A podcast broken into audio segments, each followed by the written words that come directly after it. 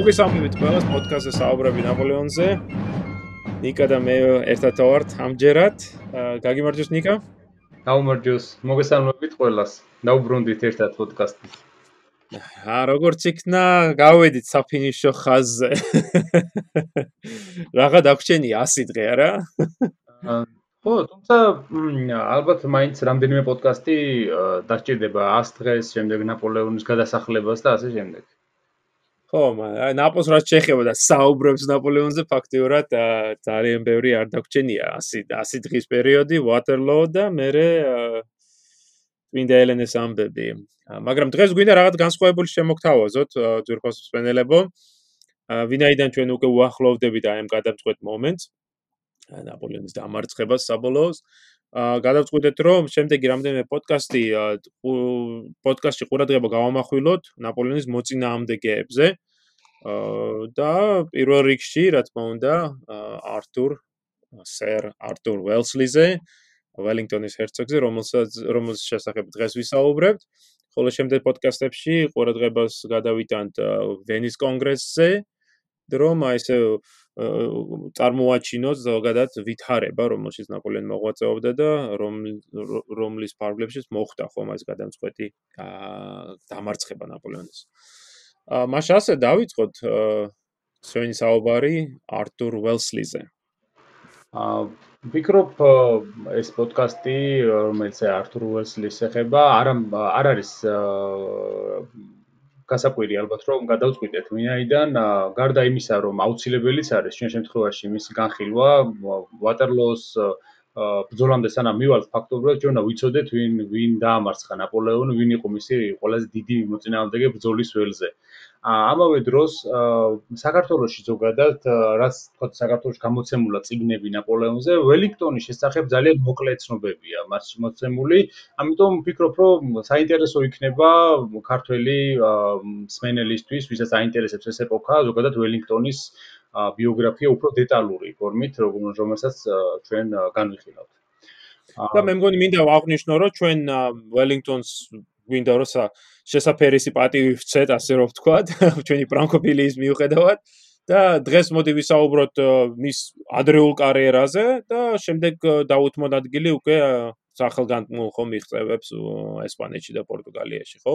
საკურველია ხა განსხვავებით სხვა გენერლებისგან ამ ეპოქის თვითონ ნაპოლეონის გამოკლებით, ალბათ ყველაზე მეტყურადღებას მაინც მათ შორის ველინგტონის герцоგი იმსახურებს, ამიტომ ორი პოდკასტი ნამდვილად ეკუთვნის მას. სუმცერე ორი. ნამდვილად. სერ ართურ უელსლი, როგორც აღნიშნე, ჰერცოგი ველინგტონი შემდგომში, როგორც მიიღო ეს წოდება, ინგლისის ისტორიაში ერთ-ერთი უდიდესი მხედართავარია და სამართლიანადაც. Ну ამავე აღიარებით ის სარგებლობდა არა მარტო თქვა ჩვენ დროში განამარტო ჩვენ დროში ითვლება არამედ უკვე ნაპოლეონის ომების დროს და თქვა შემდგომ პერიოდში მე-19 საუკუნეში ის უკვე ცნობილი იყო როგორც ერთ-ერთი უდიდესი ხედართავარი რომელსაც დაამარცხა ნაპოლეონი და დაამთავრა მისი მმართველობა რასაკვირველია, ყველაზე ცნობილი მომენტი, რომელიც მას უკავშირდება ნაპოლეონის ომებში, ეს არის ვატერლოოს ბრძოლა. ნაპოლეონის არმიაზე მოპოვებული დიდი გამარჯვება, რომელმაც განაპირობა იმპერატორის გადადგომა და 100 დღის დასასრული. როგორც ბრიტანელი ისტორიკოსი ეს გრეგორი ფრემონტ ბარნსი წერს, ან მის ციტატა მოვიყვანოთ, სადავოა, იყო თუ არა ველინგტონი ბრიტანეთის ყველა დროის უდიდესი ჯარისკაცი, თუმცა უდავოდ თავარი მოქმედი პირი გახდათ მოკავშირეთა გამარჯვებებში როგორც ნახევარკუნძულის ომში ეს ანუ ესა იგივე ესპანეთის ომია რომელმაც ნაპოლეონს დიდი პრობლემები შეუქმნა და კიბოს უწოდებდა ნაპოლეონი მას, ისე 1815 წლის ბელგიის კამპანიაში. თუმცა ფრანგეთის რევოლუციისა და ნაპოლეონის ომების დროს არც ერთ ხმხედართავარს არ ქონია იმ მასშტაბის წარმატებები ფრანგების წინააღმდეგ, როგორიც ველინგტონს ჰქონდა, რომელმაც დაამარცხა ნაპოლეონის მთელი რიგი თანამებრძოლები პორტუგალიაში, ესპანეთში, სამხრეთ საფრანგეთში 1808-1814 წლებში, სანამ საბოლოოდ თვითონ იმპერატორს შეებრძოლებოდა ვატერლოოს ველზე. აა დავიწყოთ მისი ადრეული აა ან მისი ახალგაზრდობით, თუ საიდან იყო ის წარმოშობით და ასე შემდეგ. ნუ ართურ უელსი, სხვათა შორის, როცა ან მისი დაბადების სახელი იყო ართურ უესლი. აა შემდგომში შეიცვალეს მან და მის მაძმებმა ეს გვარი უელსლები გახდნენ, მანამდე იყვნენ ართურ უელს უესლი, ასე დაიბადა. 1769 წლის 1 მაისს დუბლინში თქვენ ხედავთ რომ ის ნაპოლეონის თანატოლია. ასაკით ზუსტად 1769 წელს იყო ნაპოლეონის დაბადებული, რამდენიმე თვით იყო უფროსი მასე ართურ უესლი. აა ეს იყო ანგლო-ირლანდიური ოჯახი. ართურის мама გარეთ უესლი, მორნინგტონის პირველი ერლი, ხოლო დედა იყო ანა ართურ ჰილის დუნგანონის პირველი ვიკონტის უფროსი ქალიშვილი. ანუ არისტოკრატული წარმომავლობის იყო. აღსანიშნავია, რომ მომავალი ჰერცოგ ველინგტონის საგვარეულო ირლანდიაში ჯერ კიდევ ელიზაბეთ პირველის დროიდან ცხოვრობდა, მე-16 საუკუნიდან, თუმცა მხოლოდ 1728 წლიდან დაიწყო მათი ეს აღზევება. როდესაც რიჩარდ კოლეიმ ართურის ბაბუამ მნიშვნელოვანი მემკვიდრეობა და ეს გვარი უესლი მიიღო, რომელიც ასევე იწერებოდა როგორც უელსლი. გარეთ უესლის, ანუ ართურის გარდა კიდევ 4 შვილი ყავდა, ანუ სამი ვაჟი, რიჩარდი, უილიამი, ჰენრი და ერთი გოგონა ანა. აღსანიშნავია, რომ ყველა მათგანი წარმატებული გამოდგა და თავისი წვლილი შეიტანა ბრიტანეთის იმპერიის მშენებლობაში, რითაც არის არსებობს სხვადასხვა ასეთი ციგნი ჯონ სევერნის, რომელიც ეხება ართურ უესლისა და მის ძმებს და მას ეწოდება იმპერიის არქიტექტორები, ვინაიდან ამ ყველა მათგანმა ფაქტობრივად რაღაც წვლილი შეიტანა ბრიტანეთის იმპერიის ჩამოყალიბებაში, რომელიც აი ამ დროს მე-19 საუკუნის პირველ ნახევარში ზუსტად ვითარდება. განსაკუთრებით რიჩარდ უფროსმა ძმამ, რომელსაც ალბათ ჩვენ დაუთმოთ ცალკე პოდკასტი, იმიტომ ვინაიდან მან ისეთი გადამწყვეტი როლი ითამაშა. ძმამ რა. ხო, ო არა მარტო ინდოეთში ხო თვითონ ამ არტურის აღზევებაშიც რიჩარდს გადამწყვეტი როლი უკავია.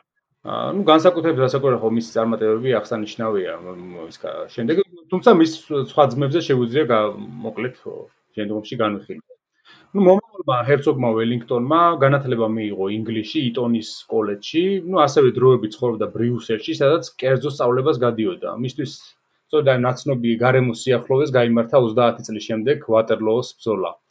შემდეგ კი სწავლობდა ანჟერის საცხენოსნო აკადემიაში საფრანგეთში. სხვადასხვა ეს ძალიან გამოადგა მას მომავალ герцогს, იმიტომ რომ ანჟერში გახდა ძალიან დახელოვნებული მხედარი, სამხედრო საქმეზე შეიქმნა წარმოდგენა და ფრანგული ენაც ისწავლა და რაც ნაპოლეონის ომებში ბუნებრივია ძალიან გამოადგა მას. აა ზოგადად ახალგაზრდა ართური ცნობილია რომ არ გამოირჩეოდა დიდი ათლეტურობით და განსაკუთრებული ჯანმრთელობით, მაგრამ ნიჭიერი იყო მუსიკასა და მათემატიკაში, რომელიც რომელიც ბევრად ერთია აკადემიურ სხვა სხვა აკადემიურ სფეროებს. სახგარე აქტივობებს. აა განსხვავებით ეს უფროსი ძმისგან, რიჩარდისგან, რომელიც ის მორნინგტონის ერლი და მომავალი მარკიზი უერსლი გახდა, მაწვილობაში ართური არავლენდა განსაკუთრებულ ინტერესს სამხედრო საქმისადმი, მაგრამ საბოლოოდ სწორედ ამ გზის არჩევა მოუხდა, რადგან ოჯახს ფინანსურად უჭირდა და სასურველი იყო ისიც, როგორც თავისი ძმა არმიაში ჩარიცხულიყო. Ну 1780-იან წლებში ის აქტიურობდა პოლიტიკურ არენაზეც. ირლანდიის თემთა პალატის წევრი გახდა, მიიჩნევდნენ პერსპექტიულ მუსიკოსადაც, თუმცა მას შემდეგ რაც 1791 წელს თომას პაკენჰემმა, ბარონმა ლონგფორდმა იგივე, რომელიც ვერ წარმოიდგენდა რომ ეს უბრალო ოფიცერი მომავალში ასეთ წარმატებული გახდებოდა, უარი განუცხადა თავისი დის, კიტის მithოვებაზე, რის გამოც აღნიშნავენ რომ ართურმა დროებით მიატოვა პოლიტიკა, თავისი ვიოლინოები დაწვა და გადაწყვიტა სამხედრო კარიერას გაყოლოდა. აა უელსლი რამდენიმე წლის განმავლობაში ებრძოდა ფრანგებს ნიდერლანდებში, პირველი შეხვედრა იყო მისი ფრანგებთან ბრძოლაში 1794 წელს აქ ბოქსტელთან, ქალაქ ბრედასთან ახლოს ფრანგების ძინაამდე წარუმატებელ შეტაკებაში მან პირველი საბრძოლო ნაცვლობა მიიღო. ანუ დაახლოებით მისი და ნაპოლეონის ეს საბრძოლო ნაცნობებიც დაახლოებით ემთხვევა ერთმანეთს, იმიტომ ნაპოლეონიც აი სწორედ ამ წლებში ტულონის ალყაში გამოიჩენს თავს, თუმცა ველინგტონის პირველი ბრძოლა არც არ არ გამოდგა ასეთივე წარმატებული. ნიდერლანდების კამპანია ცუდი დაგეგმვისა თუ მეტაურთა შეცდომების გამო საკმაოდ მარცხიანი გამოდგა ანტიფრანგული კოალიციისათვის, რომელშიც ამ დროს იყვნენ ბრიტანეთი, ნიდერლანდები, საფრთხო რომის იმპერია, იგივე ავსტრიის იმპერია, პრუსია და ფრანგი როიალისტები, რომლებიც გაქცეულები იყვნენ ამ დროს საფრანგეთიდან და ცდილობდნენ ბურბონების რეჟიმის აღდგენას. შემდგომში ველინგტონი წერდა თვითონ: "სულ მცირე ის მაინც ვისწავლე რა არ უნდა გავაკეთო. ეს კი გამოსადეგი გაკვეთილიაო." ინგლისში დაბრუნების შემდეგ ართური იმედოვნებდა, რომ სამხედრო მდივნის თანამდებობას მიიღებდა ირლანდიის ახალ მთავრობაში, მაგრამ ახალმა ლორდმა ლეიტენანტმა ჯონ ჯეფრის პრატმა, იგივე ლორდმა კემდენმა მას მხოლოდ артиლერიის ინსპექტორ გენერლობა შესთავაზა, რაც ახალგაზრდა უესლიმ უარყო და დაუბრუნდა თავის რაზმს, რომლის გაგზავნასაც ვესტინდოეთში აპირებდნენ. თუმცა შტორმის გამო უკან მოუხდა შემდგომში დაბრუნება. საბოლოოდ რამდენიმე თვის შემდეგ რაზმის ინდოეთში გაგზავნა გადაწყდა და უელსლი მიიღო სრული პოლკოვნიკის წოდება და თავის რაზმთან ერთად გაცურა კალკუტისკენ, ანუ ის გაეშურა ინდოეთში. აქ მინდა აღნიშნო ერთი რამ, რომ ბრიტანულ ჯარში ცოტა სხვანაირი სისტემას უფევდა, ხო, ამ ფრანგული ჯარისგან განსხვავებით, იქ აი ესე თანამდებობაზე დანიშნა თუ წინსვლა ხო სამხედრო კარიერაში არ ხდებოდა თქვა აი დამსახურების გამო აი ამ ამ კონკრეტულ შემთხვევაში თქვა პოლკოვნიკობა ველსლი მიიღო არა იმიტომ რომ მან დაიმსახურა ეს თქვა ბრძოლის ველზე რამე გამორჩეული ტაქტიკი თუ რამე მიღწევით არამედ იმიტომ რომ მას შეეძლო აი ამ თანამდებობის ყიდვა. ანუ ბრინაულ ჯარში ეს ეს პრაქტიკა, ეს მიდგომა საკმაოდ გავრცელებული იყო, ან თანამდებობის ყიდვა და შეძლებულ ოჯახებს, რომ მათ შორის თქვა ველსლიპს შეეძლოთ აი ამ პოლკოვნიკის ბრევეტის, როგორც ეს მაგას უწოდებდნენ, ბრევეტის ყიდვა. და ამ შემთხვევაში აი ამ ველსლის პოლკოვნიკობა სწორედ შეძენილი არის. ახლა რა თქმა უნდა, იმას ვერ უარყოფთ, რომ ველსლის ბიჭი გააჩნდა და ხო შემდეგში მართლაც გამოჩენილი თავარი იქნება, მაგრამ აი ამ ეტაპზე, ხო როცა ეს ახალგაზრდა არის ნაპოლეონისგან განსხვავებით, რომელმაც ეს გენერლობა დაიმსახურა, ხო სამხედრო აა მიღწევები და ბრძოლის ველზე, აი ველინგტონი ცოტა სხვა გზას გახვა. მაგრამ ეს ბრიტანული ჯარის რეალობიდან გამომდინარეა. ისევ შეიძლება ინდოეთში ჩასვლიდან მალევე ეს ართური გაგზავნეს ხანმოკლე ექსპედიციაში ფილიპინებზე და იქიდან დაბრუნებულმა აღმოაჩინა რომ ინდოეთის გენერალ გუბერნატორად დაუნიშნავთ მისი ძმა რიჩარდი. მასაკურველი ამაზე უკეთესი რა უნდა მოხდარიყო მისი კარიერისათვის პრინციპში. აა ნუ ამავე პერიოდში ლორდმა მორნინგტონმა შეცვალა თავისი გვარის მართლწერა სხვადასხვა და ახლა ეს უესლების ნაცვლად არიან უელსლები. და ასე იწერება მათი გვარი. მის მაგალითს მიბაძეს დააჩენმა ოჯახმაც და გახდნენ უელსლები. აი ართურზე გავამახვილებდით ყურადღებას, მინდა რომ ერთი ორი წინადებით შევეხო უელს თვითონ რიჩარდს, იმიტომ რომ ჩვენ ამაზე გაკვირით ვისაუბრეთ ერთ-ერთ პოდკასტში, როცა ჩვენ აი გლობალურ ამ ნაპოლეონის ომების გლობალურ მნიშვნელობაზე საუბრობდით და ერთ-ერთი გარემოება რაც ჩვენ გვიწყობს ხელს ამაზე ვისაუბროთ, არის სწორედ ის, რომ 1798 წელს, შენ როგორც აღნიშნე, აა უელსლი, რიჩარდ უელსლი დაინიშნა აი ოსტინ დოეთის კომპანიის გენერალ გუბერნატორად. აა და აი ამ თანამდებობაზე უელსლის აქვს ძალიან განსხვავებული მიდგომა მის წინამორბედებისგან. ვიდაინო მას მიაჩნია რომ აი ეს კომპანია უნდა იყოს აი იმპერიის შენებლობის ერთ-ერთი საწინდარი. და სწორედ აი ჯერ კიდევ ჩასვლამდე, სანამ ინდოეთში ჩავიდოდა ის სამხრეთ აფრიკაში იყო გაჭედილი რამდენიმე თვით. აი სწორედ ამ სამხრეთ აფრიკაში ყოფნის დროს წერ უელსლიმ რიჩარდ უელსონ დაწერა საკმაოდ საინტერესო ვრცელი მემორანდუმი, რომელშიც აღწერილი აქვს თუ როგორ როგორ ესახება მას ამ კომპანიის მოქმედება ინდოეთში. კონკრეტულად ის მის ერთ-ერთი მიზანი იყო რომ აი ფრანგული საფრთხის ეს ამ ამ სწორედ მისი გამოთქმარია ფრანგული საფრთხის გამოყენებით, ანუ ნაპოლეონის წარმოაჩენა როგორც საფრთხობელად, რომ დაეწყო ადგილობრივი ინდოეთში მყოფი ადგილობრივი სახელმწიფოებისთვის მოთხოვნების წაყენება, რომ აერჩიათ ან ისინი ფრანგების ხარეზე იქნებიან და ამის შედეგად ბრიტანელებს ამ შემთხვევაში ოსტიმ ინდოეთის კომპანიას დაუპირისპირდებიან, ან ბრიტანელების ხარეზე იქნებიან და თუ ისინი ამას დათანხმდებიან, მაშინ უელსლის წარმოსახვაში მათ უნდა შეესთავაზებინათ აი ეს სუბსიდიური ურთიერთობა, ხო, როდესაც ბრიტანელების აძლევენ მათ ფულს, ეხმარებიან წესრიგის შენარჩუნებაში, მაგრამ ამის სანაცვლოდ ეს ადგილობრივი სახელმწიფოები აძლევენ ბრიტანელებს საგარეო პოლიტიკის კონტროლის უფლებას. და აი ამ ხრივ ძალიან მნიშვნელოვანი არის ეს გარდატეხი გარდატეხის მომენტი, რომელიც უელსლიმ შეიტანა ინდოეთში. ვინაიდან 1798 წლიდან მოყოლებული, ხო ის 7 წლის განმავლობაში იქნება ინდოეთში გენერალ გუბერნატორად, სწორედ აი ეს იმპერიული პოლიტიკა, რომელიც შედეგადაც ინდოეთის უდიდესი ნაწილი სწორედ ბრიტანეთის ხელისუფლების ქვეშ მოექცევა, სწორედ აი უელსლის, რიჩარდ უელსლის პოლიტიკის ნაწილი არის. და ამას ჩვენ ხედავთ ეგრევე, როდესაც ერთ-ერთი უპირველესი მიზანი უელსლის არის დაიმორჩილოს, ხო, მაისურის სახელმწიფო, რომელსაც სათავეში უდგას ტიპუ სულტანი, სახელგანთმული ტიპუ სულტანი, რომელიც ნაპოლეონთან და საფრანგეთთან ურთიერთობას დამტკიცებას ცდილობს. და ეს სწორედ აი ამ პოლიტიკის განხორციელებაში მას ჭირდება სამხედრო პიროვნება, რომელსაც დაეყრდნობა, ხო, რიჩარდი? აი და ეს ძმა აი ამაში გამოადგება. ესე აღსანიშნავია რომ პრინციპში ფრანგებთან კავშირის დამყარება ინდოეთის სამეფო სამთავროებისთვის საკმაოდ ძნელი იყო, იმიტომ რომ ბუნებრივია ხო ზღვას აკონტროლებდნენ ძირითადად ამ შემთხვევაში ინგლისელები, მათ მეტი წვდომა ჰქონდათ იგივე ინდოეთთან, იგივე აფრიკასთან. შესაბამისად გასაკურველია ფრანგებთან კონტაქტები და მათთან კავშირი გარკვეულ საფრთხეს შეიცავდა ბუნებრივია ინდური სახელმწიფოებისათვის და აი აღსანიშნავია თუნდაც ის ტიპოს სულთანის ცდელობა რომ აი ბრიტანული იმისთვის თავი დაეღწია რა. აა ინდოეთში ძმის გავგზავნოთ თვითონ უელსლის შესახებ. ინდოეთში თავისი ძმის გენერალ გუბერნატორობის პერიოდში ის მონაწილეობას იღებს ამ დროს მიმდინარე სწორედ აი ჩვენ მე აღნიშნულ ტიპოს სულთანთან ომში. ეს არის ანგლო-მაისურის მეოთხე ომი, როგორც უწოდებენ. მაისურის სულთანი ტიპო დაუკავშირდა ფრანგებს, რომლებიც ამ დროს ეგვიპტეში იბრძოდნენ გენერალ ნაპოლეონ ბონაპარტის მეთაურობით, მაგრამ ეს კავშირი თლად ვერ შედგა.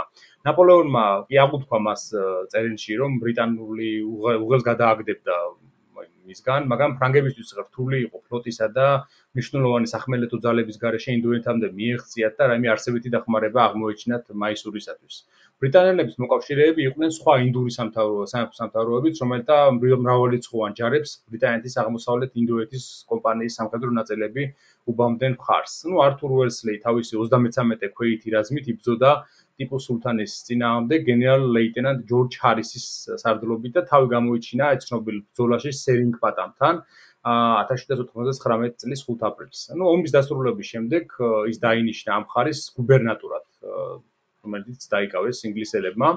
1801 წელს შესაძლოა მას მონაწილეობა უნდა მიიღო ეგვიპტეში ფრანგების გასადევნად დაწყებულ ექსპედიციაში, რომელიც იყო ნაპოლეონის ჯარის ნარჩენი, რომელიც მისი საფრანგეთის დაბრუნების შემდეგ დარჩა იქ ეგვიპტეში.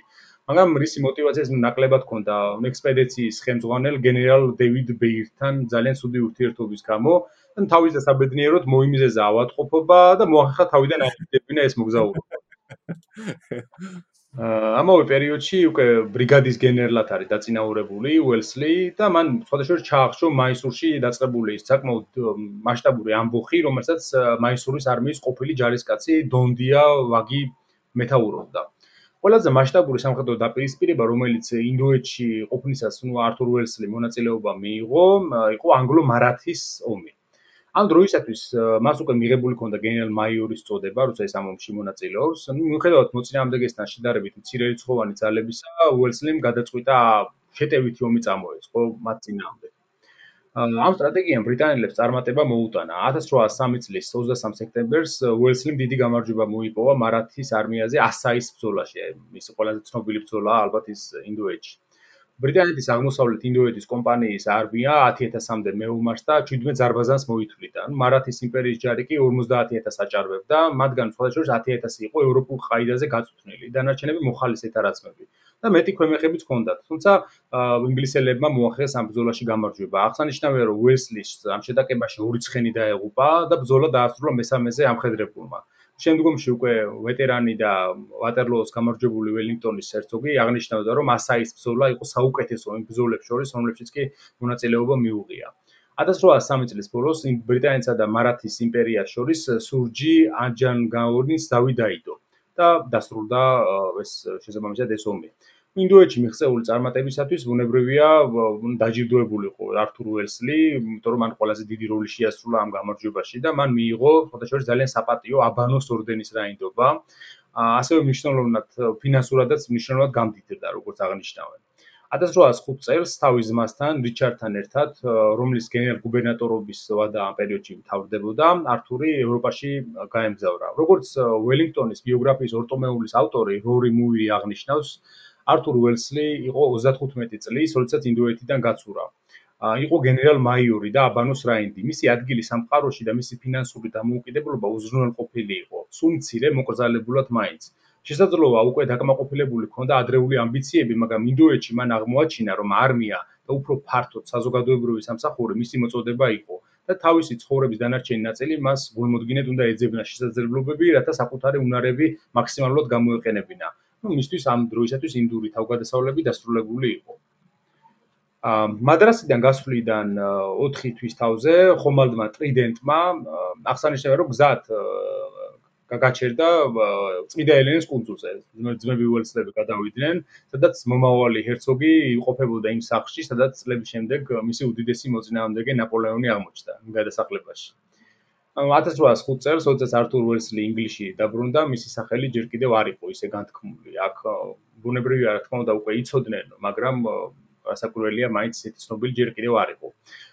მან მალევე მიმართა სამხედრო სამდივნოს, რომ ახალი დანიშნისთვის, რომ რაღაც მიიღო ახალი სამსახური. აქ სხვადასხვა მისაღებში ის პირველად და უკანასკნელად შეხვდა ძალიან ცნობილ ამ პერიოდში ლეგენდარულ ბრიტანელ ადმირალს ჰორაციო ნელსონს. უელსლი, როგორც აღნიშნავენ, მაშინვე მიხვდა, რომ მის წინაშე ნელსონი იყო. ნელსონმა კი ვერ იცნო, ნაკლებად ცნობილი გენერალი ამ დროისათვის. ამიტომ როგორც შემდგომში თვითონ ველინგტონმა დაწერა, საკმაოდ ქედმაღლად ესაუბრა და მხოლოდ თავისთავად ლაპარაკობდა, თავისთავად აკეთდა ნელსონი. ფაშერს ნელსონი საკმაოდ აუტანელი პიროვნება იყო, როგორც ესეთი. მაგის ურთიერთობა და საყვარელთან და დაარჩენ თვითონ როგორც პიროვნება ცოტა აუტანელი იყო. ასე რომ გასაკვირი არ არის. თუმცა საუბარი უფრო საინტერესო გახდა მას შემდეგ, რაც ნელსონმა მსახურისგან თანამოსაუბრის ვინაობა შეიტყო. უელსლიმ და ნელსონმა ისაუბრეს ქვეყნის საქმეებზე, მიმდინარე მოვლენებზე, შესაძლებლობებზე. ამან უფრო დიდი შთაბეჭდილება მოახდინა ჩემზე, ვიდრე ჩვენი საუბრის პირველმა ნაწილმაო. შემდგომში აღნიშნავს ველინგტონს. მათი შეხვედრიდან სამ დღეში ნელსონი ზღვაში გავიდა. ტრაფალგარის ბრძოლა კი, რომელიც ნელსონ ნელსონმა დიდი გამარჯვება მოიპოვა, მაგრამ თვითონ დაიღუპა თვენახევარში გამართა და ბუნებრივია ამის შემდგომ ეს ორი ბრიტანეთს ამ სახმელეთო და საზღვაო ყველაზე დიდი გენერლები ამის შემდგომში ერთმანეთს აღარ შეხვედრიან. ვინაიდან ბრიტანეთს საფრანგეთისგან ამ დროს თავდასხმა ემუქრებოდა, ჩვენ ადრე ვისაუბრეთ ბულონის ბანაკზე, როგორ ამზადებდა ნაპოლეონი გადასხმას ჯარის ინგლისში, და ბუნებრივია ინგლისელები ელოდებოდნენ და ყოველთვის მზად იყვნენ იმისთვის რომ მოეგერიებინათ ეს აგრესია. უელსლის ჩააბარეს ერთ-ერთი ბრიგადა და ჰასტინგსთან დაიკავა მან პოზიციები. ეს გარკვეულწილად უკუსლა იყო ხა ბუნებრივია ამ ინდოეთში წარმატებების შემდეგ, მაგრამ მან თავის საქმე ბუნებრივია პატიოსნად შეასრულა. მაგრამ როგორც ის წლების შემდეგ აღნიშნავდა, თუ ნაპოლეონი მოახერხებდა ინგლისში გადმოსვლას, ის მიაღწევდა ლონდონამდე, რადგან ჩვენი ძალები ამ დროისათვის ძალიან ცუდად იყო ორგანიზებული და მართული. ზუსტად იგივეს ფიქრობდა თვითონ ნაპოლეონი წოდაშორის. რა წინამდებობა უნდა გაუწიოს უდისციპლინო არმიამ ჩემსას მინდორველებით მოფენილი ისეთ ქვეყანაში როგორიც ინგლისია.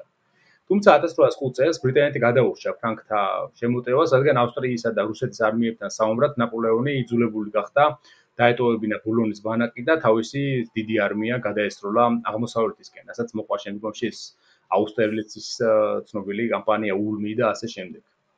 1805 წლის მიწურულს უელსლიმ თავის ბრიგადით მონაწილეობა მიიღო რაღაცა ექსპედიციურ ექსპედიციაში, რუსულ-ბრიტანულ ექსპედიციურ მომხდარიყო ჩრდილოეთ გერმანიაში, თუმცა არ შედგა რეალურად ეს ექსპედიცია და არანაირი მონაწილეობა მას რეალური ამაში არ ქონია. მათ უკვე მიიღეს ინფორმაცია, რომ ნაპოლეონმა გაანადგურა აუსტერლიცის ბრძოლაში რუსულ-ავსტრიული გაერთიანებული არმია და ბუნებრივია აზრის დაკარგა მათმა ექსპედიციამ ამის შემდეგ და ის თავის ბრიგადასთან ერთად მალე დაბრუნდა უკან ინგლისში. 1806 წლის იანვარში უელსლი გახდა ინგლისის პარლამენტის წევრი, როგორც თორების პარტიის წარმომადგენელი. ერთი წლის შემდეგ კი უფროსი მდივანი ირლანდიაში ირლანდიის ლორდ-ლეიტენანტის ჰერცოგი რიჩმონდის ხელქვეით. ასევე სხვადასხვაშორის ის იყო მისი უდიდებულესობის საიდუმლო საბჭოს წევრიც. 1808 წლამდე, როდესაც უელსლი ჩაერთო ეგრეთ წოდებულ ნახევარკუნძულის ომში, ანუ ესპანეთის ომში, ფრანგების წინააღმდეგ კამპანიაში, ის მონაწილეობდა დანიასთან დაპირისპირებაში. რითაც ამ პერიოდში გენერალ ლეიტენანტის წოდება მიიღო. ეს ძალიან საინტერესო ომია და აღსანიშნავია თუ რა რატომ მოხდა საერთოდ დანიასთან ასეთი ომი, რამაც გამოიწვია კოპენჰაგენის დაბომბვა და ფოთაშორის ალკოუსად ევროპაში პროტესტიც იყო ამ ამასთან დაკავშირებით, რომ როგორ მოექცნენ ინგლისელები ამ დროს კოპენჰაგენს. 1807 წლის მაისში უელსლი ისე რომ შეინარჩუნა თავისი პოლიტიკური თანამდებობა, ისოეთ შეუერთდა ის ბრიტანულ ექსპედიციას დანიის წინააღმდეგ. ის იყო ნაპოლეონის მოკავშირე ქვეყანად ითვლებოდა ამ დროს დანია და უმეთაურა ქვეით ბრიგადას კოპენჰაგენის მეორე ბრძოლაში, ასევე კეგეს ბრძოლაში. დანია ნაპოლეონის ომებში ნეიტრალიტეტს ინარჩუნებდა, მაგრამ 1806 წლის ბოლოდან გამოჩნდა იმის ნიშნები, რომ შესაძლებელი იყო ეს ქვეყანა ფრანგებს მიმხრობოდა. 1806 წლის 10 ივლისისთვის ლონდონში მივიდა ანგარიში დანიის საქმეებთან დაკავშირებით, რომ ფრანგები ემზადებოდნენ დანიაში შესაჭრელად. ასევე ვრცელდებოდა ჭორები, რომ დანია დაკეტავდა ერესუნის სრუტეს და ფრანგებთან ერთად მონაწილეობას მიიღებდა ირლანდიაში მის მოსალოდნელ ექსპედიციაში. რამდენიმე დღეში ლორდმა მალგრეიუმა, საადმირალოს პირველმა ლორდმა წინადადება წამოაყენა, გაეგზავნათ ძლიერი ესკადრა დანიაში, დანიელების დასახმარებლად, თუ მათ ფრანგები შეუტევდნენ. ასე რაღაცა მინდა აღნიშნო ნიკა, რომ ეს მსმენელი ალბათ მიაქტივდა ყურადღებას, რომ შენ საუბრობ ტრაფალგარის შემდგომ პერიოდზე, ხო, 1806 წლის აპრილია უკვე. ანუ საფრანგეთის საზღვაო ძალებმა ძალიან დიდი ზიანი ხო განიცადეს ტრაფალგართან. და ბრიტანელების შიში იყო ის რომ აი დანიას რომელსაც გააჩნდა ერთ-ერთი საუკეთესო და საკმაოდ დიდი ზომის ფლოტი რომ დანიის ფლოტი აღმოჩნდებოდა ნაპოლეონის ხელში ანუ სამხედრო თვალსაზრისით დანია არაფერს წარმოადგენდა როგორც ასეთი ჯარი მაგრამ საზღვაო ფლოტი ხო რეალურად დანია ხო მეფე ჯორჯ მესამე დათანხმდა ამ წინადადებას, რომ წასულიყო ექსპედიცია, ასევე ამ ექსპედიციას ევალებოდა დანიელთა ფლოტის თვალთვალი. ან ძირითადი მიზეზი სწორედ ეს იყო რეალურად. ყოველდღიურად მიდიოდა ახალი ინფორმაცია, მათ შორის ნაპოლეონსა და ალექსანდრეს შორის კავშირზე და დანიური ფლოტის მზადებაზე ზღვაში გასასვლელად. შემდგომში აღმოჩნდა, რომ ეს ინფორმაცია მცდარი იყო. ნუ სტრალზუნდისკენ გაგზავნილი ჯარი უკან გამოსაწვევი გახდა. მინისტრებს კი ეშინოდათ, რომ ფრანგები დაიპყრობდნენ დანიას, დანიელთა ნებისა და წინააღმდეგობის მიუხედავად და გამოიყენებდნენ მას მერე შვედეთზე შეზატევად. ივლისის ბოლოსთვის ექსპედიცია მომზადდა მაინც და დანიისკენ გაცურა. ექსპედიციის მიზანი იყო გავლენის მოხდენა დანიაზე, რომ ქვეყანას პოლიტიკა შეეცვალა, ან თუ ეს არ მოხერხდებოდა, მაშინ ძალით უნდა დაეკავებინათ ინგლისელებს ეს დანიური ფლოტი და გაენეიტრალებინათ ის საფრთხე, რაც მისგან მოდიოდა, რომ ის ნაპოლეონის ხელში არ აღმოჩენილიყო. ასევე არსებობდა იმის შანსი, რომ თუ ნაპოლეონი უკვე შეუტევდა ჰოლშტაინს, რომელიც სამხრეთით დანიის საზღვარი იწყებოდა სწორედ აქედან, მაშინ ბრიტანულ ნაწილებს შეიძლებოდა დანიელებთან ერთად ეულმათ და მათ წინააღმდეგ კუნძული ზელანდი დაეცვათ ფრანგების წინააღმდეგ. ართურ უელსლიმ მიატოვა საქმეები ირლანდიაში, რის შესახებაც რიჩმონდის ჰერცოგს წერილში მოუბოდიშა და ხომალდ პრომეთეთი გაემართა დანიაში. ექსპედიცია დანიასა და შვედეთს შორის მდებარე კატეგატში 5 აგვისტოს ჩავიდა. ჯერჯერობით დანიასა და ინგლისს შორის დიპლომატიური ურთიერთობები არ იყო დარღვეული, ამიტომ ინგლისელები მშვიდობიანად გადადიოდნენ სანაპიროზე. მაგრამ მალე მდგომარეობა შეიცვალა და ექსპედიციის მეთაურს ლორდ კატკარტს დანიის წინააღმდეგ მოქმედება მოუხდა. მას უნდა დაეკავებინა, არ უნდა გაენადგურებინა დანიური ფლოტი და საზღვაო მარაგები კოპენჰაგენის ყურეში, მაგრამ ყურე კარგად იყო დაცული როგორც ზღვიდან, ასევე ხმელეთიდან და ძნელი და სავარაუდო დიდ ხვერპთან დაკავშირებული იქნებოდა ისეთი ოპერაციის ჩატარება, როგორც 1801 წელს ჰორაციო ნელსონმა შეძლო აქ. სხვადასხვა პირველად ხაზი ხაზი გაუცვა რომ 1801 წელს და ეხლაც დანია ოფიციალურად ნეიტრალური არის. ანუ ბრიტანელები ნეიტრალურ ქვეყანას აიძულებენ, ხო? თავის ყაიდაზე გაი გასულიყო და რაც აი ნაპოლეონს აძლევდა საშუალებას რომ ეთქო რომ აი შეხედეთ ბრიტანელები რას აკეთებენ ხო? დანიელებისაც როგორი ასატანი არის, როდესაც ყველანაირად უმტკიცებ რომ არა ვარ ამ ომში ჩართული, ჩემთვის მინდა ვიყო და ბრიტანელები ამ ხელა ფლოტს გიყენებენ წვირის წინ. თორეშორს გენერალმა კვარტირმეისტერმა ლეიტენანტმა პოლკოვნიკმა ჯორჯ მიურემ წამოაყენა გეგმა რომელიც ლორდმან კატკარტმა მიიღო. ნუ გეგმა იყო ასეთი, კოპენჰაგენი ყველა მხრიდან უნდა ჩაეკეტათ, ისე რომ მოსახლეობას ვერ დაეტოვებინა, შემდეგ კი უნდა დაებომბათ ქალაქი, მანამდე სანამ თავრობა არ დანებდებოდა.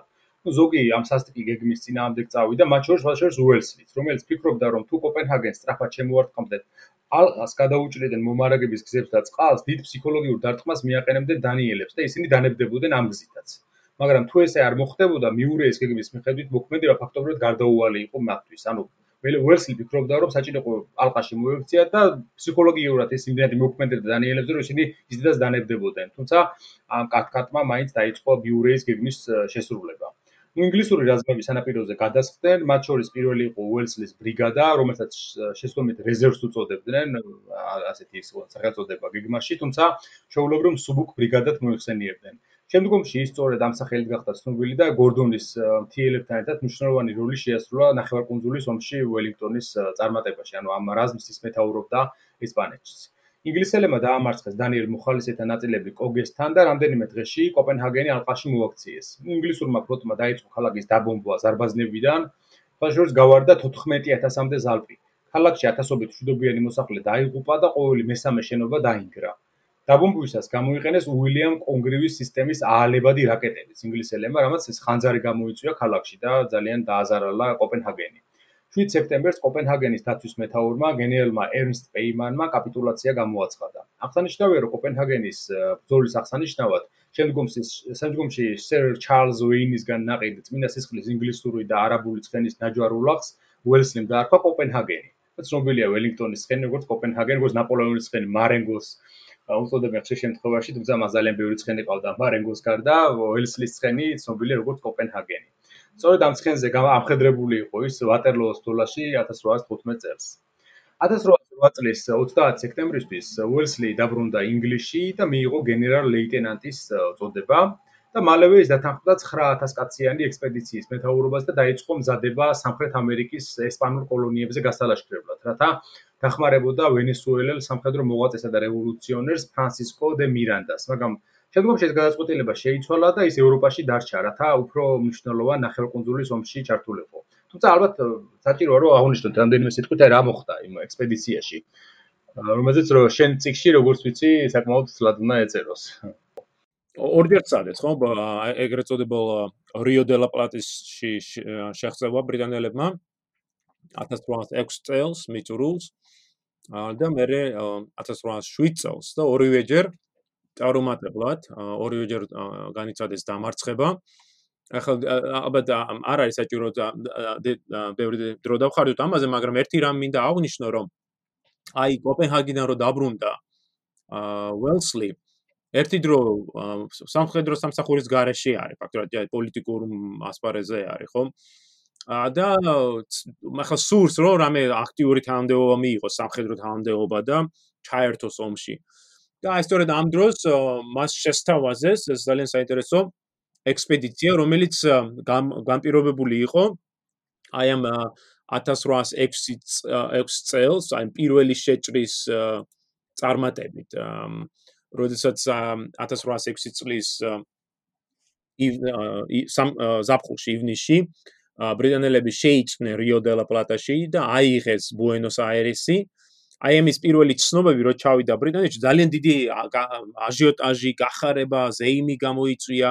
საკმაოდ საინტერესო რო იმ სხვათა შორის ბირჟაზე ხო აი არის დიდი სპეკულაცია ყიდვა გაყიდვა იმიტომ რომ აი ბრიტანულ სავაჭრო ინტერესებს აქვს ეს წარმოდგენილი რომ აი ამ ხელა ფულს გავაკეთებთ სამხრეთ აფრიკაში ამერიკაში. ვაჭრობი და აი სწორედ აი ამ კონტექსში ამ სიხარულში და ზარზეიმში ბრიტანულ ხელისუფლებაში შეიქმნა ეს გეგმა რათა წაერთვიათ ესპანეთისათვის დაარჩენი კოლონიები ეს ამერიკაში და განსაკუთრებით მათ უნდა მექსიკა. ხო. რომ სადაც როგორც ცნობილია ძალიან დიდი ოდენობით ვერცხლი მოიპოვებოდა. და სწორედ აი ამ ექსპედიციის უფროსობა შესთავაზეს ველსლის და ველსლის რა თქმა უნდა მისი მიმოწერა გამოცემულია და ერთ-ერთ ტომში არის სწორედ ეს მემორანდუმი, რომელიც მან ძალიან ვრცელი მემორანდუმი დაწერა აი ამ ექსპედიციაზე. ვინაიდან ეს ჩაფიქრებული იყო, რომ ველსლი აიღებდა რამდენიმე ათასიან ჯარს, გაცურავდა სამხრეთ ამერიკაში, იქ აიღებდა იქ მყოფ ჯარის ნაწილს, შემდეგ გაცურავდა სამხრეთ აფრიკაში, იქ აიყვანდა ჯარის ნაწილს, შემდეგ გაწურავდა ინდოეთში, იქ აიყვანდა ჯარის ნაწილს, შემდეგ გაწურავდა ფილიპინებზე, წარმოედგენ ამ ხელაგებმაო. იქ შეიერთებდა ჯარს და შემდეგ წყნარ ოკეანეზე გადაკვეთდა ამ ხელას სივრცეს და ჩავიდოდა მექსიკაში წყნარი ოკეანის მხრიდან და სწორედ ეს იმ დროისათვის, როდესაც უელსი ჩავიდოდა დასავლეთიდან მექსიკაში, ამ დროს ბრიტანელების მეორე ექსპედიცია შეუტევდა მექსიკას აღმოსავლეთიდან და აი ამ ერთობლივი ძალებით აიღებდნენ ამ მნიშვნელოვან ესპანურ კოლონიას. ახლა რა თქმა უნდა, წარმოიდგინე, წარმომიდგენია უელსლი რო კითხულობდა ამას. და შე გიჟები ხო არა ხართ ალბათ. ველინგტონი და ეგ ესპანეთში ნაპოლეონს დარჩებოდა ბურთი დამოედა. ნეტო წასულიყო ისე არა? მაგრამ აი მემორანდუმს რო გადახედოთ ფაქტურად პასუხი აქვს უელსლის რომ თქვენ თქვენ რაღაც ვერ გაიგეთ იჟები ხართო და ძალიან დააკრიტიკა ძალიან საინტერესო მემორანდუმია ვრცლად აკრიტიკებს და წარმო ხას უსვამს რამხელა პრობლემები არის აი ამ ჩანაფიქთან რაც თავის ხრივ ცხადყოფს აი თვითონ ველინგტონის სამხედრო ნიჭს რომ აი ხედავს როგორც ლოგისტიკის მხრიდან პრობლემას, ასევე სამხედრო ტაქტიკის თუ სტრატეგიის, ან კოორდინაციის პრობლემებს, ამას ყოველივეს აქცევს ყურადღებას და იმის ნაცვლად რომ წასულიყო სამხრეთ ამერიკაში და ეცადა ბედი ის დარჩა ინგლისში, ხო? და სწორედ ცოტა ხანში მას გამოუჩნდა ახალი სამსახური, რომელიც ასე საბედისწეროი გამოდგა ნაპოლეონისათვის. აა ცოტა შორის აი ესპანურ კამპანიაზე სანამ გადავთ აი საინტერესოდ აღნიშნავს ესე მე როცა უელინგტონის თემას ვეხებოდი და მაინტერესებდა და ვიკვლევდი გავკითხე ენდრიუ რობერტსის ციგნი ნაპოლეონი და უელინგტონი სადაც ენდრიუ რობერტსი აი ესპანეთის ომზე ზუსტად აღნიშნავს რომ ფრიდლანდთან გამარჯვებამ რომელსაც ტილზიტთან დიპლომატიური წარმატება მოყვა ნაპოლეონის მხრიდან ნაპოლეონი შეიტყუა და დიდი შეცდომა დააშვებინა საფრანგეთი ჩაერთო პირენეის ნახევარკუნძულის ომში, რომელიც ვერ გამოიმარჯვებდა. ეს იყო ზუსტად ომი, რომელშიც ვერ გამოიმარჯვებდა. აა არ ვეთანხმები მე ენდრუზე მასთან არა არაერთხელ მისაუბრი ამის თემაზე. ფიქრობ რომ ნაპოლეონს ჰქონდა საშუალება გამოიმარჯვა 1811 წლებში, მაგრამ მან არ გამოიყენა ეს საშუალება, მაგრამ რაც რას ის რატომ არ ჩადის ნაპოლეონი ეს არის ძალიან საინტერესო საკითხი. ფიქრობ ესეთი რთული ის არის თემა თუ რატომ არ მიდიოდა ესპანეთში ის? ო რუსეთში წასვლის ნაცვლად აიღო ეს დალოჩულს ნახევარი მილიონიანი ჯარი და წასულიყო ესპანეთში. რას აკეთებდა 1811 წლებში? 1811 წლებში ხო აი ნუ რა თქმა უნდა იმპერიის კონსოლიდაციაზე ფიქრობდა, მაგრამ აი მაგაზე სწორედ ჩვენ როგორც ახსენე, ხო რომ რატომ არ გადაწყვიტა ჩასულიყო ესპანეთში? აი ახლა ის ხო არ არის რომ სხვა ომით იყო დაკავებული, არა, იყო იმით რომ აი იმპერიას ხო რუსეთი რუსეთი რა არმია ჩეკრება ეს 450000 კაცი რო იქ შეეყვანა ველინგტონი კი არა ჰანიბალი და ალექსანდრე ერთად დახვედროდნენ ისე დაამარცხებდა უკვე დალაკო აი ჩემ ჩემ სტიქში მაგას უსვამ ეხას და აი ფიქრობ რომ აი თქვა ნაპოლეონს რო დაეტოვებინა დავუ ხო 100000-იანი 150000-იანი კაცით როგორც დავუ სურდა 1811-12 წლი. ძალიან დაუსა და ველინგტონის დაპირისპირება ბრძოლის ველზე ისე. საინტერესო იქნებოდა რა, მართლა რა. ან დაუთუ არა, ვთქვათ, you know, ვინმე მასენა დაენიშნა, ან ვინმე კარგი გამოცდილების ნიჭიერი გენერალის მეტი რა ყავდა. აი რო დაეტოვებინა, ხო 150000 კაცი რო დაეტოვებინა პოლონეთში და დაარჩენია ნახევა ფლენობაში ხო 600000-მდე შეკრიბა რა ნაპოლეონმა და აი იმ ნაწილი მაინც 300000-ით რო დაბრუნებულიყო როგორც მან ქნა 1808 წელს რომ დაბრუნებულიყო ესპანეთში და შეეტია. როგორი სხვანაირად წარიმართებოდა რა ისტორია? აი უცნაურია ძალიან რომ ასეთი პოლიტიკური და დიპლომატიური ხედვის და მისწრაფების კაცი ასეთ დიდ შეცდომას რო უშვებს და ვერ ხედავს თავის თავარი იმას პრობლემას. არა იცი ფიქრობდა რომ აი მარშლები ამას თავს გაარტმევდნენ. არა და ერთი მეორეზე ველინგტონი ამარცხებს მარშლებს. აი მაგის მასენად კი გააგზავნა და მასენამაც ვერაფერი ვერქნა და მასენა სიტუაციაში მოხდა რომ მასენა სხვა მარშლები არ უჯერებდნენ. თან ამ ტორეს ხაზებთან იყო, მან რა ვიცი რა უნდა გაეკეთებინა. ბევრს ვერაფერს შეცვლიდა ვერც მასენა პრინციპში. აა კარგი, ანუ მიდის ხომ? ჩვენ დასამწუხაროდ ველინგტონი მიდის ესპანეთში. ო, ესპანეთში არაო, პორტუგალიაში, ხო? ან პირენეს ნახევარკუნძულზე ზოგადად, ანუ ნახევარკუნძულის ომი, როგორც უწოდებენ, Peninsular War, რომელშიც ის ერთვება ამ პერიოდში, სწორედ იწყება პორტუგალიიდან. 1804-5 წლებში ბრიტანეთში დესანტის გადასხმის გეგმის ჩაშლის შემდეგ ნაპოლეონი იმედოვნებდა, რომ თავისი დაუძინებელი მტერი კომერციულად გაენადგურებინა ბერლინის დეკრეტით, რომელთაც 1806 წლიდან მან ბრიტანეთთან ვაჭრობა აუკრძალა ევროპას, ანუ ჩვენ ვეხებით კონტინენტურ ბლოკადას. აა ნუ ეკონომიკური ბლოკადის ეს მსვლელობა კონტინენტური სისტემის სახელითაა ცნობილი და მას ტილზიჩი მხარი დაუჭირეს პრუსიამ და რუსეთმაც აიძულა ფაქტობრივად ისინი. აა ის მნიშვნელოვან საფრთხეს უქმნიდა ბრიტანეთის კომერციას, განსაკუთრებით თუ ესპანეთის კოლონიების წყალობით ის გავრცელდებოდა სამხრეთ ამერიკაზეც. პორტუგალიამ, რომელიც დიდწილად ბრიტანეთზე იყო დამოკიდებული, ბუნებრივია უარი განაცხადა ბლოკადასთან შეერთებაზე, რის გამოც ერთი წლის შემდეგ ფრანგები გენერალ ანდოშ ჟიუნოს სარდლობით შეიჭრნენ ამ ქვეყანაში და 1807 წლის 30 ნოემბერს ლისაბონი აიღეს. თუმცა აღსანიშნავია, რომ ამ დროს უკვე ბრაზილიაში იყვნენ გაქცეული პორტუგალიის სამეფო დინასტია, რომელსაც ფლოტი წაიყვანეს და ბრაზილიაში თავიანთ ყველაზე დიდ კოლონიაში გაასწრეს, მოკლედ ფრანგებს.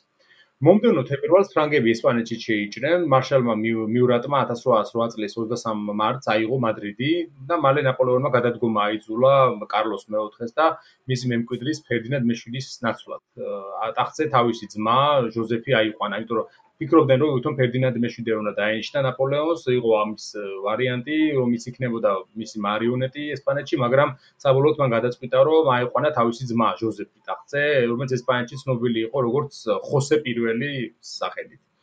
მიურატი კი მის ნაცვლად ნეაპოლში გამეფდა. თუმცა აი ამაზეც ბავშვის ისტორიკოსებისგან გამიგია მსჯელობა თუ აი რატო დანიშნა თავისი ძმა ასეთ თულ ადგილზე, როცა არანაირი სამხედრო გამოცდილება მას არ ჰქონდა და ეს კიცე ხელით მართლა მას არ შეეძლო ესპანეთს, თუმცა მიურატი თქვა ნეაპოლში რო გადაიყვანა უფრო ვეროთ რომ შვიდ სიტუაციაში ესეთი მეუმარი კაცი, ხოლო თავისი ძმა, რომელიც თქვა საერთოდ ამ სამხედრო საქმეს საქმესგან წვრალად იყო ესპანეთში ასეთ თუნ მდგომარეობაში დასვა მადრიდში მეფეთ. თუმცა ალბათ ამ ისეთ სათქმელია აქ, რომ განსაკუთრებული ასეთი დიდი სამეფო, რომელიც საფრანგეთის მერე ყველაზე მნიშვნელოვანი რეალურად იქ სამხრეთ ევროპაში, სამხრეთ-დასავლეთ ევროპაში უნებრივია ნაპოლეონის თავისი ძმა და თავისი დინასტიის წევრი სურდა იქ მეფედ. რაც დიდი შეცდომა არის, ხო ჩვენ მე მგონი ვისაუბრეთ ამაზე თავის დროზე. არ უნდა ექნა ეს, უნდა დაეყენებინა ფერდინანდი. დოკლაპია კი იყო და სწორედ მაგი გამ უნდა გამოეყენებინა ნაპოლეონს და მაინც გამოიყენებდა ნაპოლეონი თავის ჭკუაზე და ესპანეთის მხარს დაუჭერდა ამ თორსა ეს. აა და ამას გამოიწვია ის, რომ მაისში ესპანელები აჯანყდნენ და ბრიტანეთმა დაინახა შესაძლებლობა, რომ ფრანგებისთვის ფრონტი გაეხსნათ ამ ახალ ცხელ ზონაში. 1808 წლის აგვისტოში ბრიტანელებმა საექსპედიციო კორპუსი გადასხეს თავიანთი მოკავშირის ამ ფრანგებთან ოკუპირებული პორტუგალიის ტერიტორიაზე. სწორედ ამ კორპუსს მეთაურობდა ართურ უელსლი. მასვე უნდა შეერთებოდა 5000 ჯარისკაცი გიბრალტარიდან და როცა უელინგტონი პორტუგალიაში ჩავიდა, აღსანიშნავია რომ მთელი კონტინენტური ევროპა ბრესტიდან ურალამდე იყო საფრანგეთიდან დაპყრობილი ან მისი მოკავშირე ა გამონაკლისი იყო მხოლოდ პორტუგალია, სიცილია, რომელიც სამეფო ფლოტის ბაზას წარმოადგენდა და დანია, რომელიც დანიასთან, საფრანგეთთან და რუსეთთან მებრძოლი შვედეთის სამეფო. ანუ რეალურად ველინგტონი ჩადის ეს პორტუგალიაში, რომელიც არის რაღაცა ახალი ცხელი ზონა ნაპოლეონის იმპერიაში დანარჩენი ევროპის დიდი ნაწილი საკონტროლებს ნაპოლეონი და ხა წარმოიდგინეთ ინგლისი ერთვება სახმელეთო ომში ასეთ დიდ ძალასთან. მიუხედავად იმისა, რომ ასაკურელია ისინი მარტო თავიანთ ძალაზე არ ამყარებდნენ იმედს და ისინი ფიქრობდნენ, რომ ამ პარტიზანულ ომს პორტუგალიასა და ესპანეთში მაქსიმალურად გამოიყენებდნენ თავის სასარგებლოდ. ნაპოლეონი შესაძლოა საკმაოდ დაბალი შეხედულების იყო ველინგტონის საექსპედიციო კორპუსზე, რომელიც გადასხდა პორტუგალიაში. საკმაოდ მიზეზი ჰქონდა ამისი. ბრიტანელი სახმელეთო ძალებს ამ დროისათვის თითქმის არანაირი ისეთი განსაკუთრებული წარმატება არ ქონიათ საფრანგეთის რევოლუციისა და ნაპოლეონის ომებში. მართალია 1801 წელს მათ ოსმალებთან ერთად მოახერხეს ფრანგთა საექსპედიციო არმიის ნაშთების დამარცხება ეგვიპტეში, მაგრამ ფრანგულ რაზმებს სამშობლოში დაბრუნების უფლება მიეცათ. კამპანიამ კი შეიწირა ერთ-ერთი საუკეთესო ინგლისელი გენერალი სერ რალფ აბერკრომბი, 1805 წელს მესამე კოალიციის ომშიც ბრიტანულ არმიას არანაირი წარმატებისთვის არ მიუღწევია. მცირე გამარჯვება ჰქონდა 1806 წელს კალაბრიაში, მაგრამ მომდენო წელს სასტიკად დამარცხდნენ ელჰამეთთან ეგვიპტეში. ასევე კაპიტულაციის გამოცხადება მოუხდა ბრიტანეთის საექსპედიციო არმიის სარდალს გენერალ ჯონ უაიტლოკს ბუენოს-აირესში, როგორც აღნიშნეთ უკვე ცოტა ხნის წინ. იმავე წელს ბრიტანულმა დახმარებამ, რომელიც ალექსანდრე პირველს გაუგზავნეს, ისე დააგვიანა, რომ როცა ადგილზე მივიდა, უკვე ტილზიტის ზავი იყო დადებული, თანაც ინგლისელები არასწორ პორტში შევიდნენ, სხვა ადგილზე მივიდნენ, სადაც დანიშნული ჰქონდათ იქვე. მოკლედ რომ თქვათ, თუ არ ჩავთვლით ბრიტანელთა საზღვაო მიღწევებს, მათ სამხედრო თვალსაზრისით 15 წლიანი წარუმატებელი პერიოდი ჰქონდათ და ნაპოლეონის დამოკიდებულება მათდამი, ну, გასაკვირი არ არის, რომ ის დაბალ შეფასებას აძლევს. მაგრამ იმპერატორი შეფასებაში ცდებოდა რეალურად, იმიტომ რომ თვითონ უელსლი საინტერესოა რომ დარწმუნებული იყო თავის გამარჯვებაში. როგორც შემდგომში აღნიშნავდა, რომ ეჭვი არ ეპარებოდა წარმატებაში და არანაირი სიძნელი არ შექმნია მას ამ გზაზე. მის თანამედროვეთა ცნობებით პორტუგალიაში მონდეგოში გადასვლიდან ერთ კვირაში კორუნიადან უელსლი წერდა სამხედრო მდივანს ლორდ კასტელრის, რომ ბონაპარტისთვის ძნელი იქნებოდა ესპანეთში სამხედრო ოპერაციების ჩატარება. ვინაიდან ეს ქვეყანა არ იყო შესაბამისი დიდი არმიების მოქმედებისათვის. ბონაპარტი არ არის ძალიან ძლიერი ესპანეთში. უთხრა უელსლიმ გენერალ მაიორ სპენსერს ხომალდ კროკოდაილზე, ნაპირზე გადასვლამდე რამდენიმე დღით ადრე.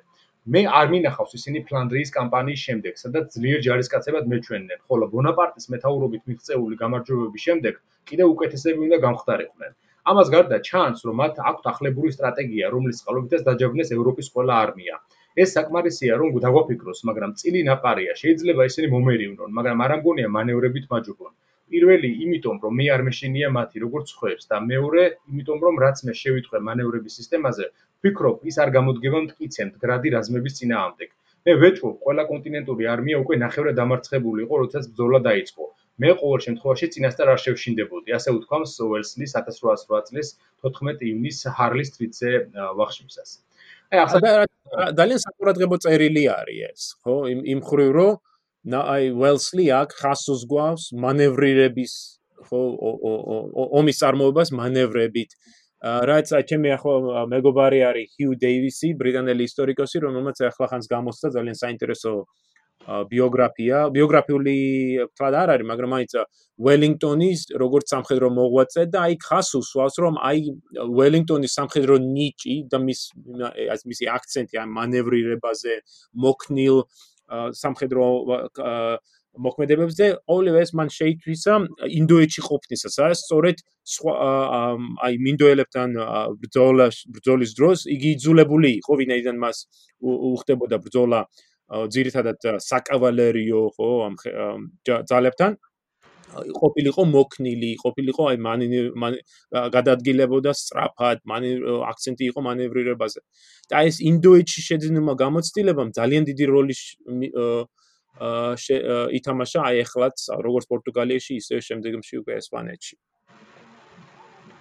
აა, სულა ჩორის აი, უნდა ვთქვათ, რომ უელინგტონის ამ წარმატებისათვის, რომელიც მან მიაღწია ესპანეთში, ესეთი თვითრწმენა უნებრივი აუცილებელი იყო, იმიტომ რომ ეხა ის წარმოვიდგინეთ, აფხელა საფრანგეთის იმპერია და ეს გადავიდა პორტუგალიაში და იწყებს ომს, რომელმაც თქვათ პრობლემები უნდა შეუქმნას ნაპოლეონს, რომელიც ამ დროისათვის უძლიერესი არმიის და იმპერიის პატრონია. 1809 წლისთვის ესპანეთში 190.000-მდე ფრანგი ჯარისკაცი იყო, 1811 წლისთვის კი 360.000-მდე გაიზარდა მათი რიცხოვნობა. ამიტომ უნებრივია ველინგტონს, რომელსაც ბევრად უფრო ნაკლები ძალები ყავდა ამ დროისათვის ხელთ, წიჭირდებოდა ის თავდაჯერებულობა, რომელიც ნამდვილად არ აკლდა მას. სანამ უელსლი პორტუგალიაში გადასხავდა ჯარს, ფრანგებმა ერთი მნიშვნელოვანი მარცხი განიცადეს ესპანეთში. აღსანიშნავია ეს, რომელმაც ძალიან დააზარალა ნაპოლეონის რეპუტაცია. ეს იყო გენერალ პიერ ანტუან დიუპონის корпуსი, 17000-ზე მეტი ჯარისკაცი, რომელიც ბაილენთან დანებდა ესპანელთა უფრო მცირე რიცხოვან არმიას, რომელსაც გენერალი კასტანიოსი სადრობდა. ნაპოლეონს ნაპოლეონი განრისხდა ამ მარცხის გამო და აღნიშნა, რომ სამყაროს გაჩენის დღიდან არასდროს ყოფილა რამე უფრო სულელური, უგუნური და ლაჩრული, როგორც ელენის კაპიტულაცია, რომელსაც ძალიან შეარყია მისი პრესტიჟი ევროპაში. უელსლემ, რომელიც გადაასხდა პორტუგალიაში, დაიწყო ძალიან აქტიური მოქმედება, დაამარცხა გენერალ დელაბორდეს ჯარის ნაწილები როლისას ბრძოლაში 1808 წლის 17 აგვისტოს და რამდენიმე დღეში ვიმეიროსთან 1808 წლის ან 21 აგვისტოს ძალიან ესეთი დიდი გამარჯვება მოიპოვა გენერალ ჟიუნოს корпуსზე. ბაილერის კაპიტულაციასთან ერთად ეს ვიმეიროსთან მარცხი ბუნებრივია საკმაოდ შეარყია ფრანკთა დაუმარცხებლობის მითი ევროპაში. გაძლიერდა სურვილი ნაპოლეონის წინააღმდეგ მოქმედებისა, ხოლო მას შემდეგ რაც ფრანგებს მოუხდათ თავიანთ სამხედრო ნაწილებს გამოყვანა სხვა ქვეყნებიდან იმისთვის, რომ ესპანეთში გაეგზავნათ, ამან გააქტიურა ეს ომის მომხრე პარტიები ბერლინში, ვენასა თუ მოსკოვში. ნაპოლეონს ეს კარგად ესმოდა და თავის ძმას ჟოზეფს მუდმივად უჩიოდა წერილებში, რომ ჩანს არმიას არა გამოცდილი გენერლები, არამედ ფოსტის ინსპექტორები მეთაურობენო. სოდაშორის აი ეს ცინტრეს კონვენცია, რომელიც მოყვა ვიმეიროს ბრძოლას, ეს იყო კონვენცია, რომელთაც ინგლისელებმა ითავეს დამარცხებული გენერალ ჟიუნოსა და მისი არმიის ინგლისური ხომალდების საშუალებით საფრანგეთში დაბრუნება. სხვადასხვა ეს არ იყო პირველი შემთხვევა მსგავსი, მანამდეც მომხდარა მსგავსი შემთხვევები და დამარცხებული არმიებისათვის უკან დაბრუნების საშუალება მიუციათ. მაგალითად, სარატოგასა და იორკთაუნთან ამერიკის რევოლუციურ ომში 30 წლით ადრე ბრიტანელებმა ასეთი უფლება მიიღეს ამერიკელებისაგან. ასევე ბრიტანელებმა ითავეს ეგვიპტეში მყოფი ფრანგული არმიის დარჩენილი ნაწილი საფრანგეთში დაბრუნება გემებით. თუმცა აღსანიშნავია რომ ამ გადაწყვეტილებებით რომელიც ლისაბონისა და ბრიტანეთის ხელისუფლებებისგან დამოუკიდებლად მიიღეს ინგლისელებ გენერლებმა ისინი არ ახთოვანებულან უელსლის არ მიუღია მონაწილეობა სინტრას მოლაპარაკებებში და სხვადასხვა არც ხელი მოუწერია ამ დოკუმენტზე, მაგრამ ის გენერლებთან, ჰარი ბიურარდსა და ჰიუ დალრიმპთან ერთად ლონდონში გაიწვიეს, რათა პასუხი მოეთხოვათ ამ სამართლო კონვენციისათვის.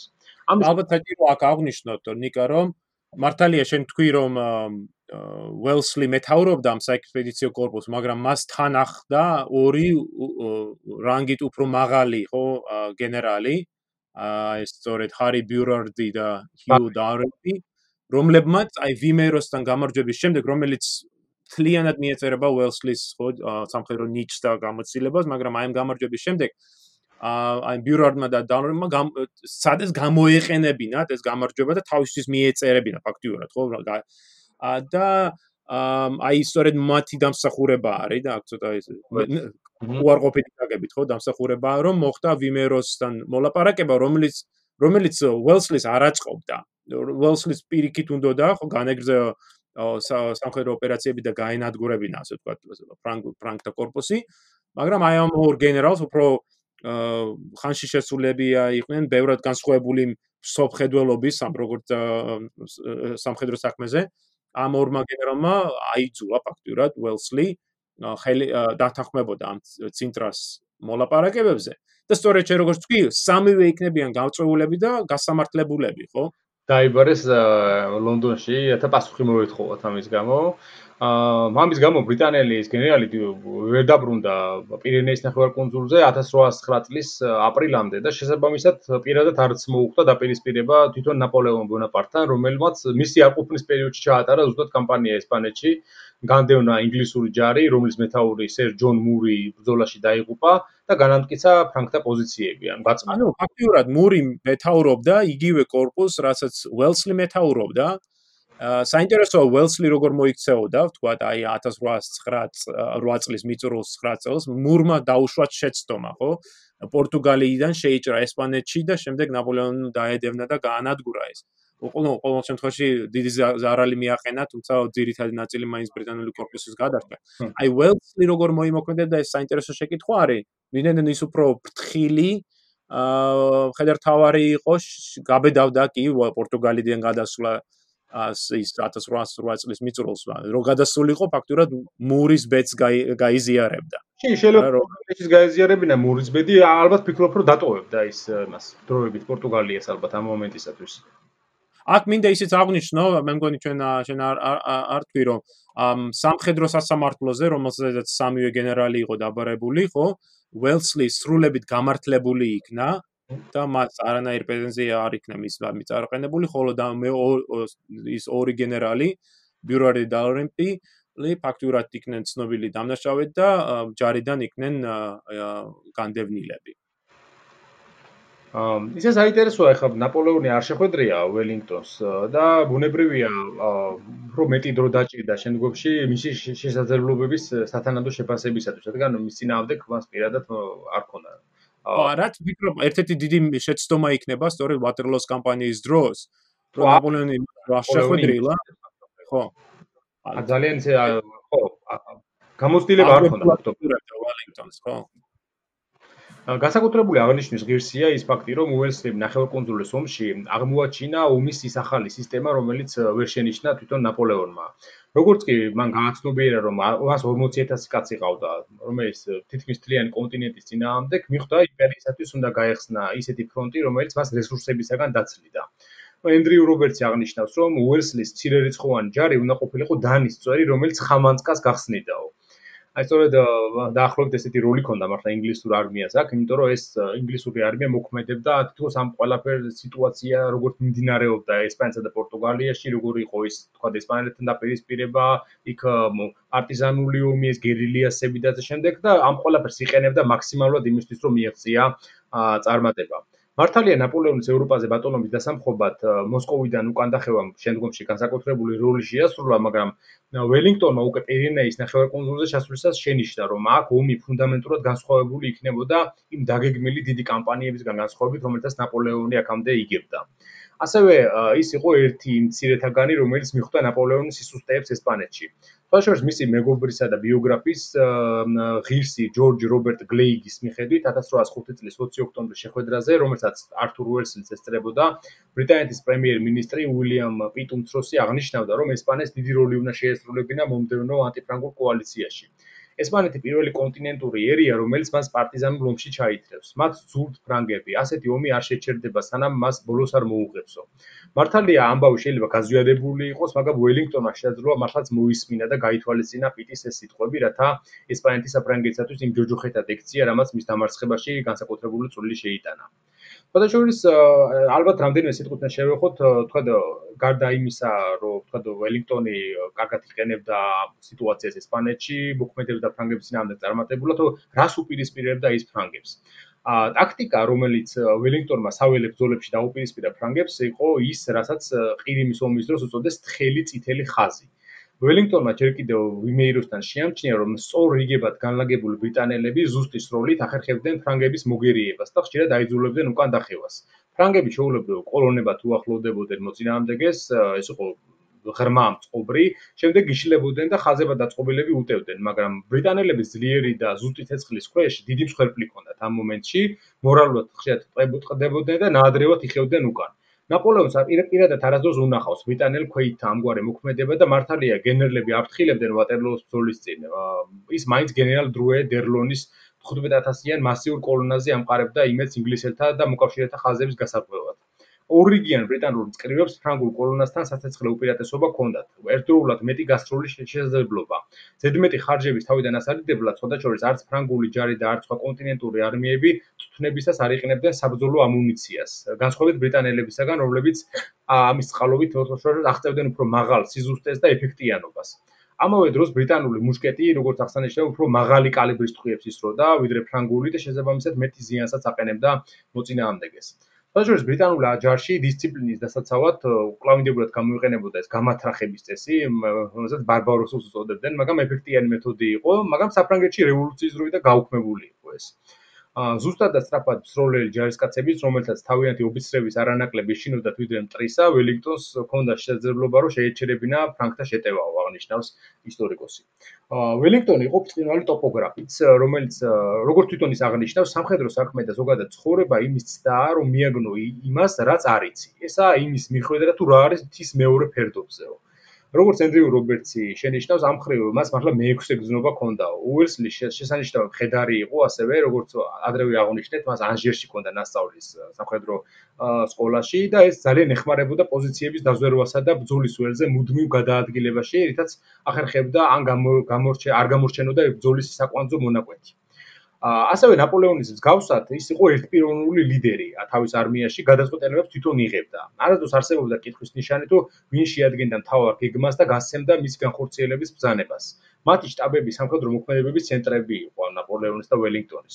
მაშინ, როდესაც თქვა რუსეთში მეფე ალექსანდრე და გენერალი კუტუზოვი იყოფდნენ ძალაუფლებას და ერეოდა მეფე მის საქმეში, ავსტრიაში გენერალი მაკი, ერთერცოგი კარლის, სამხედრო საბჭო ჰოპ კრიგსრატი ასევე პრუსიაში მეფე ფრიდრიხ ვილჰელმი კიდე ბრაუნშვაიგის hercogზე ამყარებდა იქ იმედებს და უკეთად ყველგან იყო განსხვავებული მიდგომა, ხოლო ველინგტონი მომხრე იყო ერთპიროვნული ძალაუფლების არმიაში, სხვადასხვა მას არც მეთაურის მოადგილის პოსტიც არ უყვარდა. ვინაიდან ის იშვიათად უანდობდა თავის გეგმებს, თავის ოფიცრებს. აღსანიშნავია, რომ როდესაც ლორდმა აქსბრიჯმა, კავალერიის მეთაურმა და დე-ფაქტო მეთაურის მოადგილემ დილობიანად კითხა ველინგტონს მისი გეგმის შესახებ ვატერლოოსთან, მან ესეთ სარკასტული პასუხი გასცა. შემდგომში ვინაიდან ნაპოლეონ პირველი გვიტევს, ეს მასზეა დამოკიდებულიო. ჰერცოგი ორანელის, რომელიც დეიურე დამოუკიდებელი მეთაური იყო, შემდგომში ვატერლოოს ბრძოლაში ბრძანებებს მაინც ველინგტონისაგან იღებდა. ერთი ტაქტიკა, რომელსაც ველინგტონი რეგულარულად მიმართავდა და რომელზეც ნაპოლეონი წინასწარ უნდა ყოფილიყო გაფრთხილებული ვატერლოოსთან, ეს იყო უკანა ფერდობის პოზიცია. ეს იყო რაზმების დამალვა გორაკის სიმაღლის მიღმა მკვდარ მიწაზე, ეგრეთ წოდებულ მკვდარ მიწაზე. ველინგტონი სხვადასხვა უფლებას აძლევდა თავის ჯარისკაცებს და დაწოლილიყვნენ მოწინააღმდეგის артиლერიისაგან დაბომბვის დროს. ამიტომ ეს ყუმბარების უმეტესობა მათ თავზე გადაუქროლებდა. მოწინააღმდეგის მიახლოებისას დამალული რაზმების მოულოდნელი წამოდგომა და ბრძოლაში ჩართვა ფრანგებისთვის შეიძლება დამანგრეველი ეფექტი ჰქონდა ნახევარკუნძულის ომის ბევრ ბრძოლაში. ასევე მარშალ ნეისა და დერლონის პასუხისგებლობა ეკისრებოდათ იმაზე, რომ ველინგტონის ამ ფანზე წამოეგნენ, მიუხედავად იმისა, რომ ბრძოლის წინ გენერალი მაქსიმილიან სებასტიან ფუა აფრთხილებდა მათ, რომ ველინგტონი ყოველთვის მალავს თავის ჯარებსო. აი საინტერესოა რომ აი რას იზავდა ნაპოლეონი როგორ დაუპირისპირდებოდა ესპანეთში ან თუ შეისწავლიდა ამ ტაქტიკას და ნახავდა როგორ მოქმედებდნენ ინგლისელები რას იზავდა ვატერლოოსთან შემდგომში როცა ასე მოხდებოდა მას მოქმედება. ნამდვილად. ამ მოდი აქ შევჩერდეთ. ველინგტონი ჯერ არის ველინგტონი ყოველ შემთხვევაში ველსლი აა ჯერ პორტუგალიაში არ დაბრუნებულა ანუ ვიმეროს შემდეგ გაიწვიეს, ჯერჯერობით არის ინგლისში, მაგრამ ემზადება დასაბრუნებლად მას შემდეგ, რაც აი გენერალი მური დაიღუპა, ხო, ბრძოლაში და 1809 წელს უელსლი დაბრუნდება პორტუგალიაში, აი სწორედ აი ამ მიდგომით, ახლებური მიდგომით ომისადმი, რომელიც შენ ასე ჩამოაყალიბე. შემდეგ პოდკასტში ჩვენ უკვე განვიხილავთ ველინგტონის სახელგანთმულ კამპანიებს ფრანგების ძინავდეკ პორტუგალიასა და ესპანეთში.